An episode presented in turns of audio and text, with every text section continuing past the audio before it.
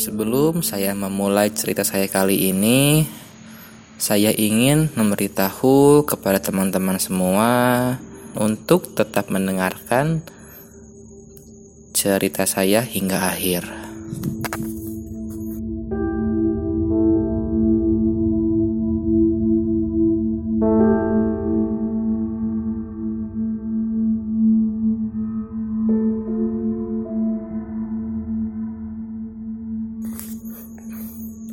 Saya Demas. Saya ulangi lagi, nama saya Demas. Dahulu saya ialah anak yang sering kena bully ataupun menjadi korban bully, baik di sekolah maupun di lingkungan rumah. Hingga akhirnya orang tua saya mengambil inisiatif untuk memindahkan saya sekolah dari salah satu sekolah yang cukup tertama pada saat itu di kota Bandung ke salah satu sekolah dasar negeri yang dekat dengan lingkungan rumah saya. Akan tetapi, meskipun saya sudah pindah sekolah, tetap saja saya masih menjadi korban bully. Entah bagaimana awalnya, saya kurang mengerti. Mungkin teman-teman saya merasa jika saya itu berbeda dari mereka Entahlah, karena hingga saat ini saya tidak pernah mengetahui alasan mereka untuk membuli saya. Kadangkala ada saatnya di mana ketika saya dirundung ataupun dibully itu, rasanya saya ingin membalas mereka. Tetapi yang saya takutkan ialah ketika saya marah, saya akan mengamuk dengan sejadi-jadinya lantas hilang kendali. Jadi ya sebisa mungkin saya hanya diam dan akhirnya lebih banyak memendam itu kemudian menangis sendirian. Sebenarnya saya ingin mengadu ataupun curhat kepada orang tua saya. Tapi pada saat itu Orang tua saya sangat sibuk dengan pekerjaan mereka. Mereka berangkat subuh, pulang larut malam. Saya bangun tidur, mereka sudah berangkat. Sedang ketika saya tidur, mereka belum juga pulang. Di rumah saya hanya tinggal dengan asisten rumah tangga dan saudara saya. Menerima perlakuan seperti itu di sekolah maupun di lingkungan rumah membuat saya lebih sering bermain di rumah bersama kakak saya yang bernama Dimas. Saya ulangi lagi, namanya Dimas. Kami terbiasa bermain robot-robotan di kamar, main balap mobil Tamiya, main gangsing, main kartu, adu kartu. Lalu ya kami bermain berpura-pura menjadi Kamen Rider Kuga karena pada saat itu Kamen Rider Kuga sedang happening banget di salah satu televisi nasional. Ya intinya permainan anak laki-laki pada umumnya. Pernah suatu hari ketika saya asik bermain PlayStation di kamar dengan Dimas, waktu itu kami bermain game Kamen Rider Kuga yang ada di PlayStation One. Saya merasa senang karena saya berhasil mengalahkan Dimas pada saat itu. Saya tertawa terbahak-bahak.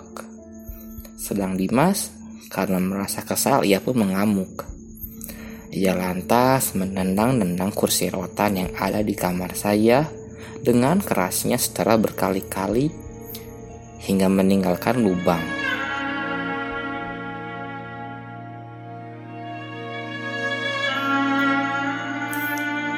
Dimas segera berlari keluar kamar.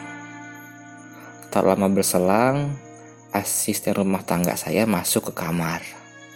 Ya karena kebetulan kamar kami bersebelahan, sepertinya ia mendengar kegaduhan yang disebabkan oleh Dimas. Melihat kursi yang berlubang, asisten tersebut memarahi saya. Ya karena saya kan udah sering gitu ya di rumah terus ngamuk gitu terus ngerusak barang-barang yang di rumah mungkin asisten rumah tangga ini kesal sama saya gitu ya Ya dia tanya sama saya, "Aa, kenapa sih tiap marah kok rusakin barang?"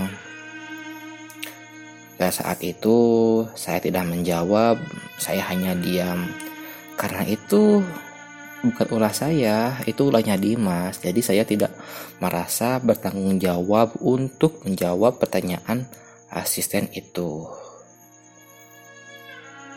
Lalu asisten rumah tangga saya keluar kamar beberapa saat dan kembali lagi dengan membawa obat merah. Karena ternyata kaki saya itu tertancap paku tepat di jempolnya. Mungkin paku ini terlepas karena tendangan Dimas tadi. Saya pikir begitu. Kenyataannya entah. Meskipun begitu, meskipun saya sering dibully di lingkungan tempat saya tinggal, alhamdulillahnya lama kelamaan ada beberapa anak yang mau bermain dengan saya. Ya, tentunya main di rumah. Tetapi lama-kelamaan mereka malah lebih sering bermain dengan Dimas daripada saya. Mereka bermain bersama, bersenang-senang. Seakan tidak memperdulikan keberadaan saya pada saat itu, seperti saya tidak ada di situ. Jadi mereka hanya bermain dengan Dimas.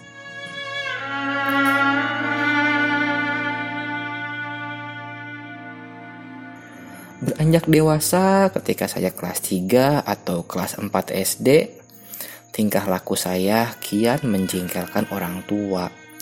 Saya sering marah, sering ngamuk. Ya mungkin karena sebagai pelampiasan saya sering dibully di sekolah.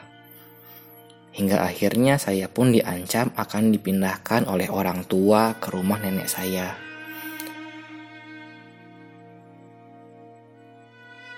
Lalu ketika saya mulai sering marah, frekuensi saya ngamuk semakin parah gitu ya. Orang tua saya sering mengadakan pengajian di rumah ketika mereka berada di rumah gitu. Jadi mereka Senin sampai Jumat itu sibuk kerja dan biasanya Sabtu Minggu pun bekerja. Tetapi setelah frekuensi amarah saya kian lama kian parah, Sabtu Minggu terkadang mereka ada di rumah dan mengadakan pengajian. Lantas saya pun diperkenalkan dengan salah seorang ustadz yang kebetulan teman ibu saya saya dibimbing ngaji. Sehari sekali tiap habis maghrib selama beberapa bulan.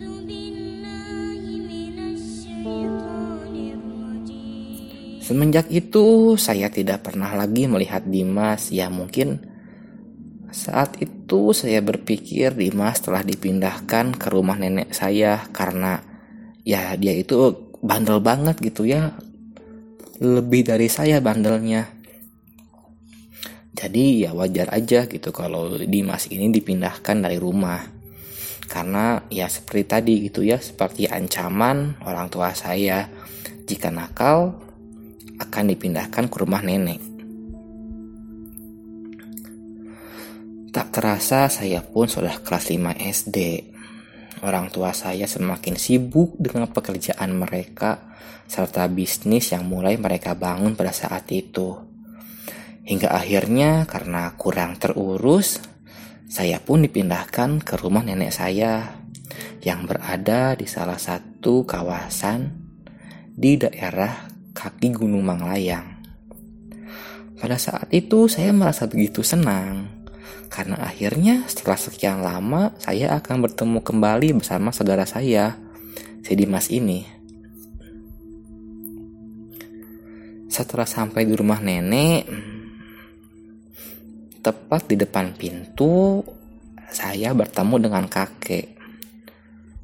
Dengan wajah sumringah, saya menghampiri kakek, memeluknya, lalu bertanya pada kakek saya, "Kakek, Dimas ada di mana?" Tetapi kakek tidak menjawab saya, ia hanya tersenyum saja.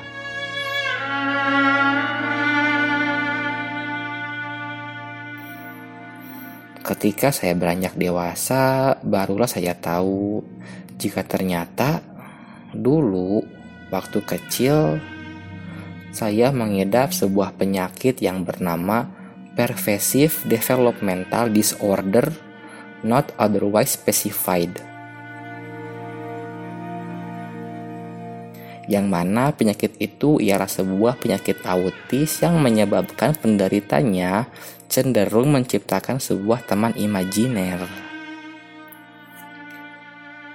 Saya lantas mengingat beberapa tahun ke belakang ketika saya masih kecil. Mungkin karena saya sering menerima pembulian, maka saya menciptakan sebuah teman imajiner yang bernama Dimas. Awalnya saya pikir begitu, akan tetapi, belakangan saya mengetahui jika dahulu sebelum saya lahir, ibu saya pernah mengalami keguguran. Seorang anak laki-laki yang dikandungnya tidak dapat diselamatkan.